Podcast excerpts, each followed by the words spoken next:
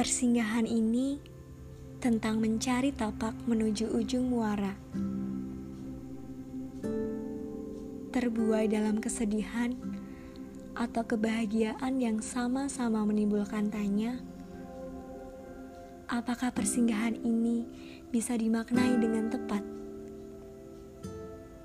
Tanpa menoleh kiri kanan, melihat orang lain yang tampak sempurna sedangkan diri ini apa adanya. Segala pertanyaan bermuara di setiap tapak yang sedang dibangun dalam jalan berduri yang melukai.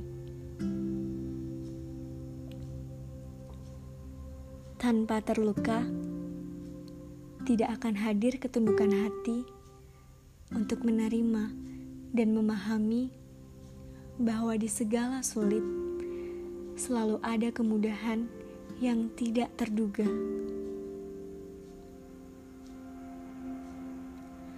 Katanya hidup adalah persinggahan dengan segala putaran masalah yang ada dalam diri manusia.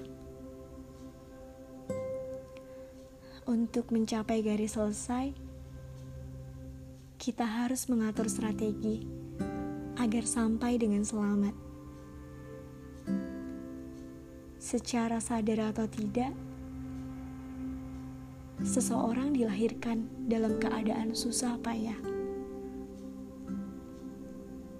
Tetapi dengan susah payah itu, ia mampu belajar dari segenap makna di setiap masalah. Tidak hanya membuat jatuh, masalah juga membangun tangga. Satu persatu, menuntun ke tapak-tapak yang lebih tinggi. Untuk melihat lebih luas bahwa ada cahaya matahari di ujung jalan nanti.